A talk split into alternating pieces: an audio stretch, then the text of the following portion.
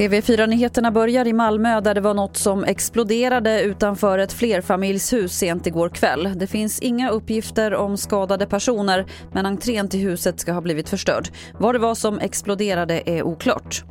Danmark skänker 3 miljoner vaccindoser till utvecklingsländer, det meddelar statsminister Mette Fredriksen. Gåvan ska ges genom Världshälsoorganisationen WHOs vaccinsamarbete Covax för att säkra fattiga länders tillgång till vaccin. Och till sist kan vi berätta att vi återvinner som aldrig förr och förra året återvanns 72 procent av alla förpackningar vilket är bättre än regeringens mål. Annika Foberg Gustafsson på förpacknings och tidningsinsamlingen. Det är jättefina resultat som vi ska vara stolta över. Vi har sett nu under pandemin att eh, andelen insamlade förpackningar ökar så det är jättepositivt att vi når regeringens mål på totalen.